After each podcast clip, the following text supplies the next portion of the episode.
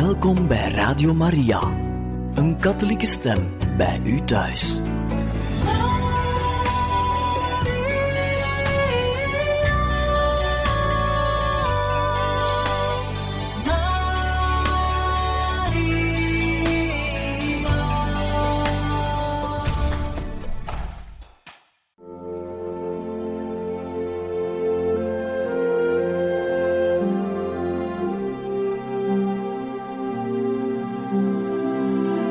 Beste luisteraars van Radio Maria, welkom bij het programma Catechismus. Een overweging bij de geloofschat van de kerk.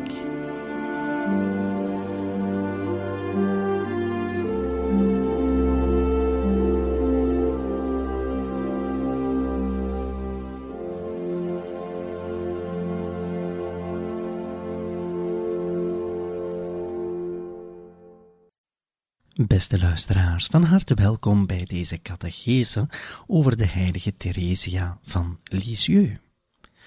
In onze laatste catechese hebben we het gehad over de eerste bicht van de heilige Theresia en over een belangrijk moment in het leven van haar, namelijk de eerste communie van haar eigen zus in 1880. De biecht zag ze als een vreugdevol sacrament. En de Eucharistie was dan weer die grote ontmoeting met Jezus, en bij de eerste communie was het alsof het leven een nieuwe start kende. We zijn ook gelukkig te vernemen hoe Therese zo gelukkig is met de eerste communie van haar iets oudere zus Céline. Ze verlangde zeker ook naar haar eigen eerste communie, maar dat zal pas later zijn. Want in die tijd was het de gewoonte om de eerste communie pas te ontvangen op een iets latere leeftijd dan vandaag. En dit alles gebeurde in de eerste jaren wanneer ze in Lisieux woont, met de vier zussen, en dus de vijf dochters, samen met de vader, in Les Buissonnets, het huis dat ze huurden in het stadje Lisieux. Ze zal er gelukkig zijn en ze noemt het een rustige tijd. Ze ontving huisonderwijs, vooral door een van de oudere zussen, Pauline, die ze zag als haar nieuwe of tweede moeder. Maar binnenkort wordt het tijd om zelf naar school te gaan. En zo zijn we aangebroken aan een nieuwe periode, namelijk dat ze scholier wordt in de abdij. Ze gaat naar een abdijschool vanaf oktober 1881 en ze blijft daar tot maart 1886. En van die periode zal Therese later zeggen dat het de vijf jaren van haar leven waren die het moeilijkste waren en het triestigste. Dit is natuurlijk niet zo vriendelijk, zouden we kunnen denken, tegenover de school waar ze was. En we zouden kunnen denken dat het die school was die haar ongelukkig maakte, maar dat zal niet zo zijn. We zullen heel vlug zien dat eigenlijk de problemen die Therese toen had, voornamelijk van haarzelf kwamen. We gaan het eerst even hebben over de school. Zij ging naar de abdijschool Notre-Dame du Pré. De abdijschool was zeer oud. Ze is in Lisieux gesticht in 1050. Tijdens de Franse Revolutie worden de zusters verdreven. Maar in 1809 gaan ze terug naar de abdij, die tot dan toe werd gebruikt als parochiekerk. In de gebouwen zullen ze terug school houden en zelf als religieuze gemeenschap leven. Op het einde van de 18e eeuw zal het internaat, dat eraan verbonden is, in totaal 80 leerlingen tellen. En dit verdeeld over vijf klassen. Men verbleef ongeveer twee jaar in eenzelfde klas. De leerlingen droegen ook een uniform. Ze hadden allemaal hetzelfde uniform, behalve de centuur, die verschillend was van kleur, en dit volgens de klas. de allerkleinsten, hadden de rode centuur. De vierde klas had de groene centuur, de derde klas violet, de tweede klas oranje en de eerste klas blauw. En zo konden ze een brevet of diploma behalen. We lezen even uit de statuten die we hebben teruggevonden van die school. Deze zeggen het volgende. Het meisjesinternaat van de abdij is de oudste school van het arrondissement Lisieux. Het internaat is erop gericht in de 16e eeuw en heeft altijd het vertrouwen van het publiek genoten. Deze instelling, hoe oud ze ook is, leeft in haar tijd en biedt een moderne opvoeding. Enerzijds is het tegenwoordig gewenst dat jonge meisjes een brede en gevarieerde opleiding krijgen.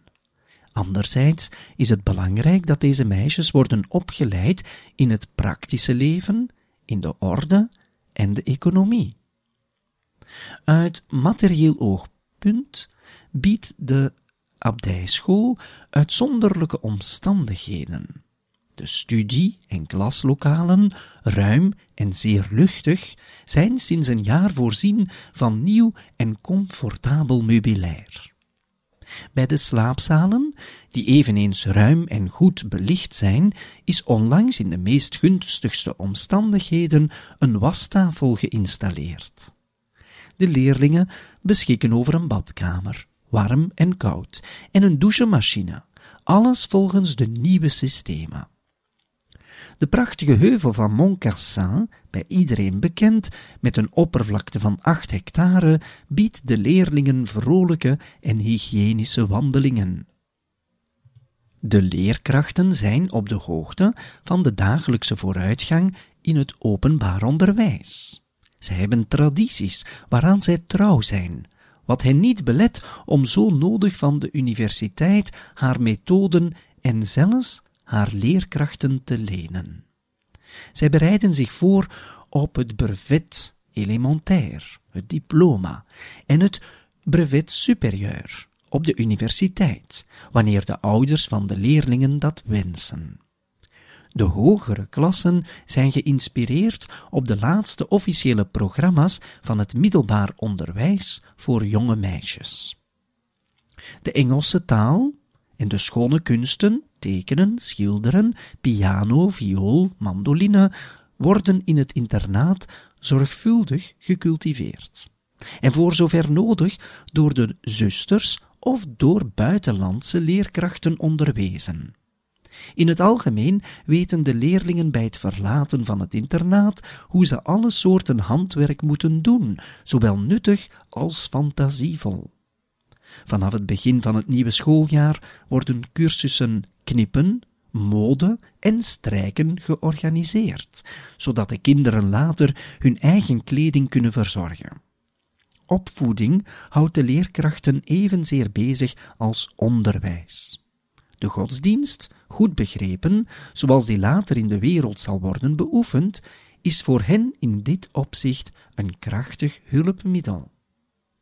De leerkrachten streven ernaar jonge meisjes te vormen die zowel christelijk als voornaam zijn. Driemaal per jaar worden de ouders via een rapport op de hoogte gebracht van het gedrag, het werk en de successen van hun kinderen plaatsen in de composities, wekelijkse en maandelijkse cijfers, inschrijving op de erelijst, drie maandelijkse examens, gevolgd door proclamaties en beloningen, zijn de middelen die bij voorkeur in plaats van straffen worden gebruikt om de goede orde te handhaven en het werk aan te moedigen. Een interessant document die beschrijft hoe de school is waar Theresia zal gaan maar die tegelijkertijd ook een mooi inzicht geeft in de scholen van die tijd. Voor ons lijkt de beschrijving hiervan misschien een beetje gedateerd. Velen van ons zullen misschien nog wel herinneren hoe hun eigen school eruit zag en het gelijkt misschien bij sommigen wel op wat we hebben beschreven. Maar tegelijkertijd in die tijd was het dus allemaal zeer modern. Er waren veel nieuwigheden. En het is dus in die moderne context, maar tegelijkertijd zeer christelijk en voornaam, dat Theresia haar eerste jaren zal doorbrengen op school. Om zo opgevoed te worden, zelf, tot een jong meisje dat christelijk is, maar zoals we zagen, heeft ze dat natuurlijk reeds verkregen wanneer ze thuis was in het gezin. Zo dadelijk bekijken we hoe Theresia het doet op school, vanaf het begin. Ook al zijn het voor haar de moeilijkste en triestigste jaren, ze zal er wel veel op steken. En vooral ook, ze zal komen tot een zelfkennis van hoe zij is en hoe ze zelf zal willen worden later, altijd gevoelig voor de aanwezigheid van de goede God.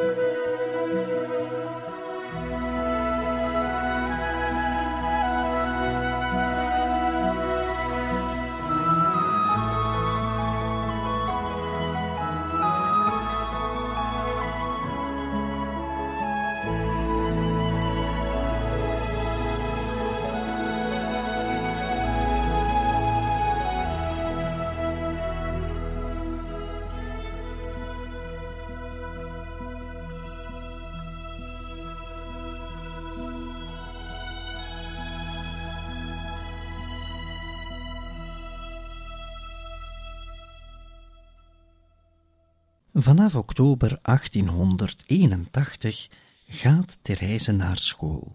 Een triestige tijd. Maar ze was er niet alleen. Ook de twee zussen en de twee nichten waren op dezelfde school. Het gaat over de zussen Leonie en Céline en dan ook de nichten Jeanne en Marie, die de dochters waren van de nonkel, nonkel Isidore, broer van Zélie, de moeder van Therese. En dat is het gelukkigste geweest, want Therese zal zich niet goed voelen op school. Maar het geluk is er wel dat de zussen en de twee nichten aanwezig waren. Ze schrijft over haar eerste schoolervaring het volgende. Ik was acht en een half jaar toen ik naar de abdijschool ging. Ik heb vaak horen zeggen dat de tijd die je op internaat doorbrengt de beste en de aangenaamste is van je leven. Wel, voor mij was dat niet zo.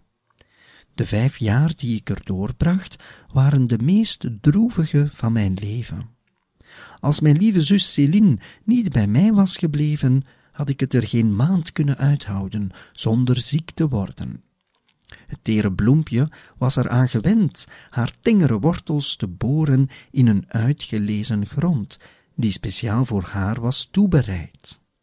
Zij vond het dan ook een zware opgave toen zij terecht kwam te midden van bloemen van allerlei slag, met soms heel weinig fijngevoelige wortels, en toen zij verplicht werd om in een gemeenschappelijke grond het vocht te vinden dat nodig was om in leven te blijven.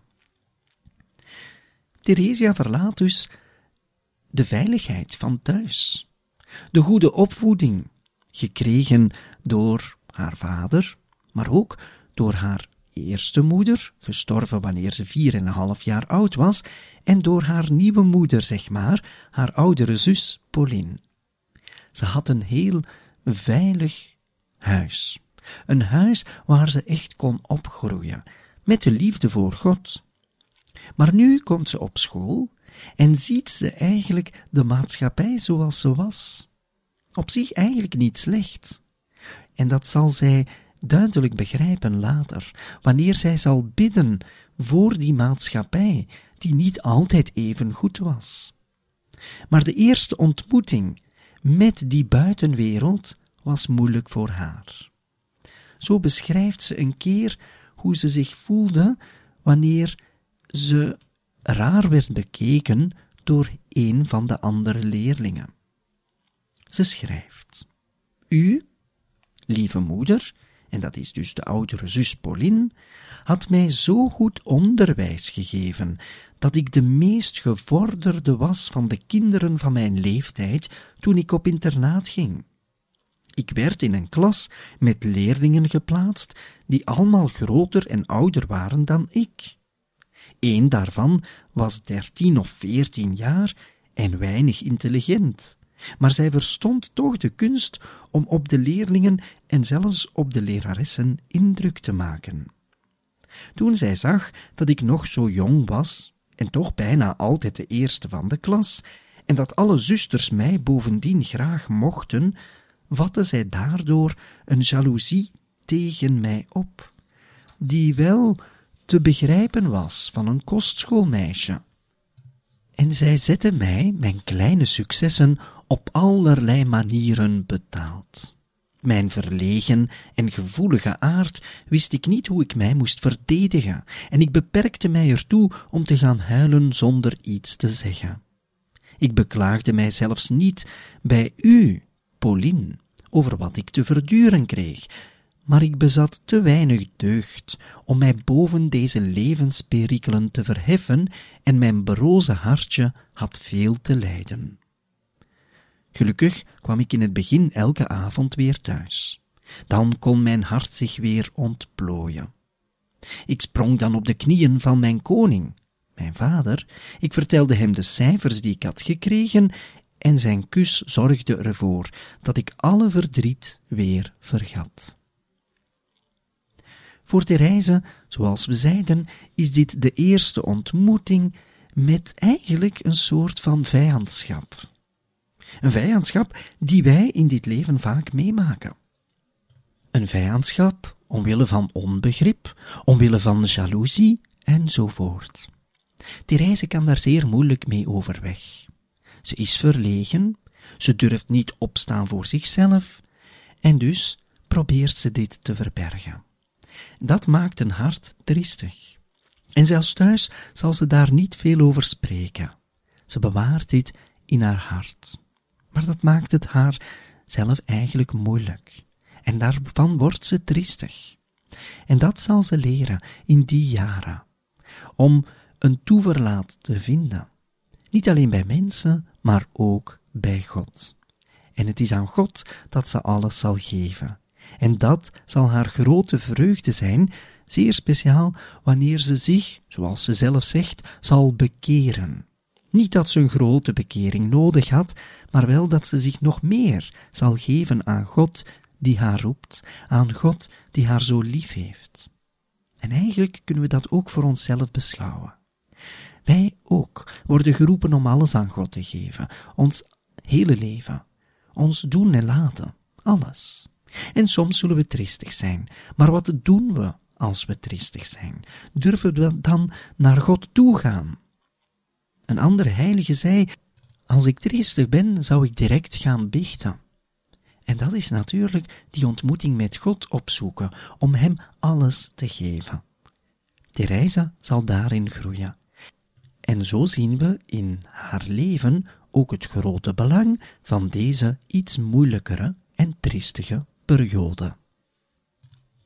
Om hiervan nog een voorbeeld te geven, wel, zo schrijft ze dat ze elke donderdagmiddag vrij kreeg met de andere kinderen.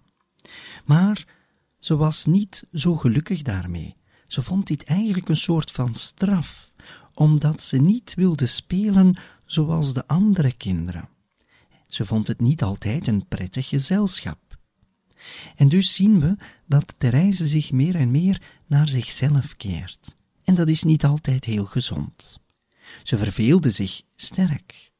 Zo zegt ze, vooral als ik een hele middag moest doorbrengen met quadrille spelen. Het enige wat ik leuk vond, was om te gaan spelen in de tuin. Dan was ik er overal het vlugste bij, want we plukten bloemen naar hartelust. En doordat ik altijd de mooiste wist te vinden, maakte ik mijn kleine kameraadjes jaloers. We kunnen eigenlijk omschrijven dat die eerste jaren op school voor Therese een ontmoeting is met de wereld. Die niet altijd even mooi is, die niet altijd even goed is, maar die wel tot goedheid wordt geroepen. En daar zal Theresia eigenlijk een roeping in krijgen. Een roeping om het mooier, beter te maken. Vandaar ook die rozen die ze wil uitgeven. Die rozen die ze aan iedereen wil schenken. En dat zal pas gebeuren na haar dood, vanuit de hemel. Want het is vanuit de hemel dat zij eigenlijk een werk op aarde zal verrichten. Voor ons heel mooi, een echt geschenk, dat Therese vandaag nog ons kan helpen bij die moeilijkheden van het leven, soms kleine moeilijkheden, maar die voor ons persoonlijk zeer belangrijk kunnen zijn. Maar zoals ook voor ons zoeken wij soms troost. En Theresia zal die troost vinden. En waarin deze troost ligt, wel, dat ontdekken we zo dadelijk.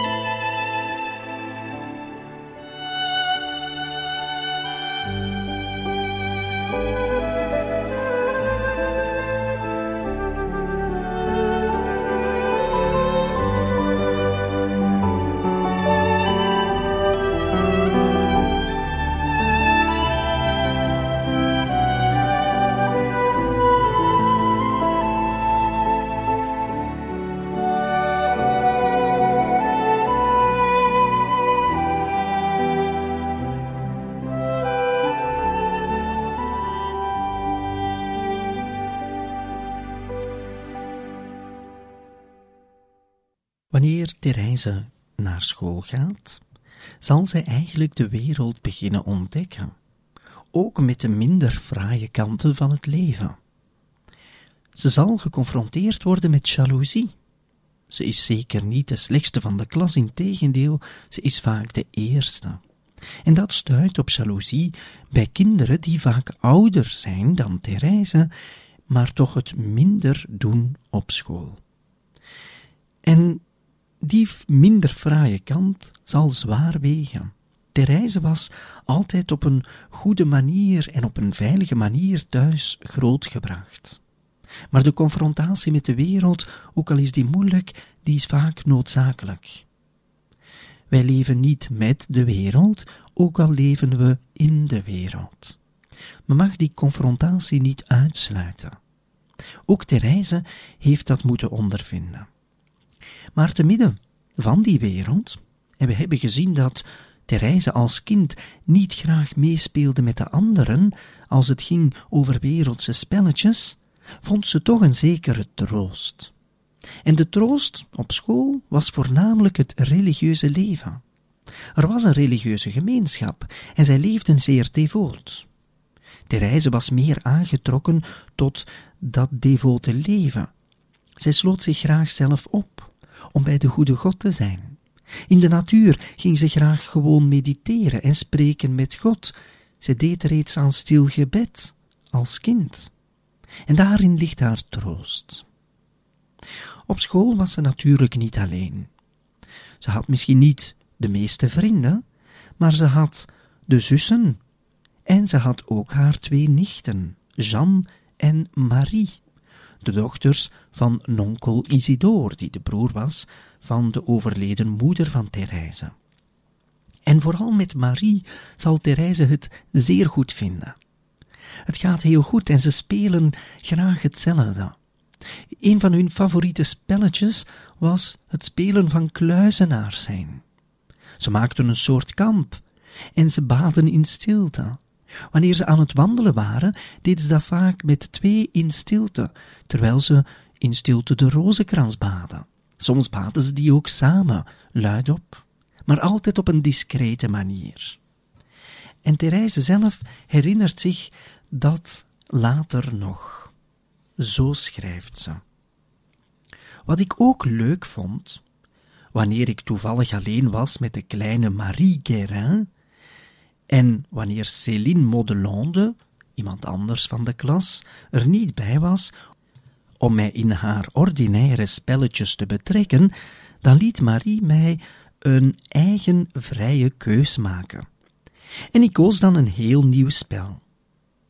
Marie en Therese werden dan twee kluizenaars, die alleen maar een arme hut hadden en een klein veldje om koren en wat groenten te kweken. Hun leven verliep in een voortdurende beschouwing, dat wil zeggen, de ene kluizenaar wisselde de andere af bij het bidden, als de andere zich met het actieve leven moest bezighouden. Dat ging allemaal in een goede verstandhouding, in stilte, en met zo'n kloosterlijke stijl dat het helemaal af was. Wanneer tante ons kwam halen om te gaan wandelen, dan gingen we zelfs op straat door met ons spelletje.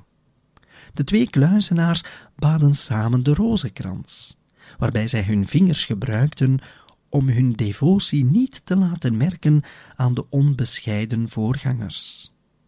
Maar op een dag gebeurde het dat de jongste kluizenaar even uit zijn rol viel. Ze had een koek gekregen voor het vieruurtje en voor die op te eten maakte zij een groot kruisteken, waardoor alle wereldse mensen in de lach schoten. Marie en ik verschilden nooit van mening. De troost die Therese ondervindt, te midden van de meest triestige jaren, zoals ze zelf zegt, bevindt zich bij God. Maar ze past het wel aan aan haar leeftijd. Ze speelt een spelletje van kluizenaar. Ze is op dit moment acht jaar. En ze speelt met haar nicht, Marie, met wie ze het heel goed kan vinden, want ze verschillen nooit van mening, wel, ze spelen eigenlijk wat ze later, Therese, zal echt beleven, namelijk het klooster ingaan, om zich volledig te geven aan God. De groei van haar roeping is eigenlijk reeds gebeurd. Zij weet wat ze wil, En ze gaat daarin volharden. En ze past haar levensstijl zelfs als kind al aan aan hetgeen zij echt wil en waartoe God haar zal roepen. En dat is het religieuze leven, waarvan ze natuurlijk op school ook voorbeelden ziet bij de leerkrachten, degenen die religieus zijn, en bij de hele religieuze gemeenschap van de abdij waar ze op school gaat. En dat is haar troost. Voor ons kan dat een les zijn, om onze troost te zoeken en te vinden bij God. Bij die goede God, die overal te vinden is. Dat kan in de natuur zijn, dat kan tijdens een spel zijn, dat kan op de droevige momenten zijn. De troost van God is nooit ver af. Aan ons om ze te zoeken en om ons volledig toe te leggen op wat God wil. Maar ook al is Therese getroost, met de gedachte reeds van het religieuze leven, en voelt ze zich daartoe aangetrokken, er zal op dat moment in haar leven ook iets moeilijks zijn. Eigenlijk een zwaar voorval. Zelf schrijft ze het volgende. Op een dag had ik Pauline verteld dat ik luizenaar wilde worden. Ik wou met haar heel ver de woestijn ingaan. Zij antwoordde mij dat zij er net zo over dacht en dat zij zou wachten tot ik groot genoeg was om met haar mee te gaan. Dit was zeker niet ernstig bedoeld, maar de kleine Therese had dat toch heel serieus opgevat. Wat had zij dan ook een verdriet, toen zij op een keer haar lieve Pauline met Marie, haar zus, erover hoorde praten dat zij binnenkort in de Karmel zou intreden. Ik wist niet wat de Karmel eigenlijk was, maar ik begreep er wel uit dat Pauline van mij weg zou gaan om in een klooster te treden. Ik begreep dat zij niet op mij zou wachten en dat ik al gauw mijn tweede moeder zou verliezen. Ach, hoe zou ik u kunnen vertellen wat er een angst in mijn hart heerste. Ineens begreep ik wat het leven eigenlijk was. Tot dusver had ik het niet zo treurig gevonden, maar nu kwam het in zijn volle werkelijkheid op mij af. Ik zag in dat het alleen maar uit lijden bestond en uit een voortdurende scheiding. Ik schreide bittere tranen, want ik begreep toen nog niets van de vreugde van het offer. Ik was zwak, zo zwak, dat ik het als een grote genade beschouw dat ik een beproeving te boven kon komen, die eigenlijk boven mijn krachten leek te liggen. Als het langzamerhand tot mij zou zijn doorgedrongen dat mijn lieve Pauline weg zou gaan, dan zou ik er niet zoveel verdriet van gehad hebben. Maar nu het mij plotseling duidelijk werd, was het of ik een mes in mijn hart kreeg. We kunnen hier spreken van een bijna traumatische ervaring. Therese moet afscheid nemen van haar tweede moeder, de tweede oudste zus. En dus is er weer al een scheiding. Ze wordt weer afgescheiden van een persoon die haar lief is. En heel belangrijk in hetgeen Therese hier schrijft, is dat zij zo het leven begrijpt. Dat het leven bestaat uit lijden en een voortdurende scheiding, zo zegt zij. Maar ze heeft nog niet begrepen hoe men daarmee om kan gaan. Eigenlijk is dat ook voor ieder wat persoonlijk. Maar Therese kan ons wel leren hoe om te gaan met die moeilijkheden in ons leven, met dat lijden, met die voortdurende scheiding. Ze heeft haar moeder verloren op vier jaar en half. Nu heeft ze het vooruitzicht dat ook haar zus, haar geliefde zus, die zij ziet als een moeder, ook weer verdwijnt. Maar dat alles zal haar ten goede komen. Het zal haar helpen om standvastig te kiezen voor God en voor de ware liefde. En daarin zal ze zelfs een begrip hebben van wat lijden betekent. Ze zal een begrip zelfs hebben voor de scheiding die zij constant moet meemaken, want daaruit bestaat het leven, zo zegt zij.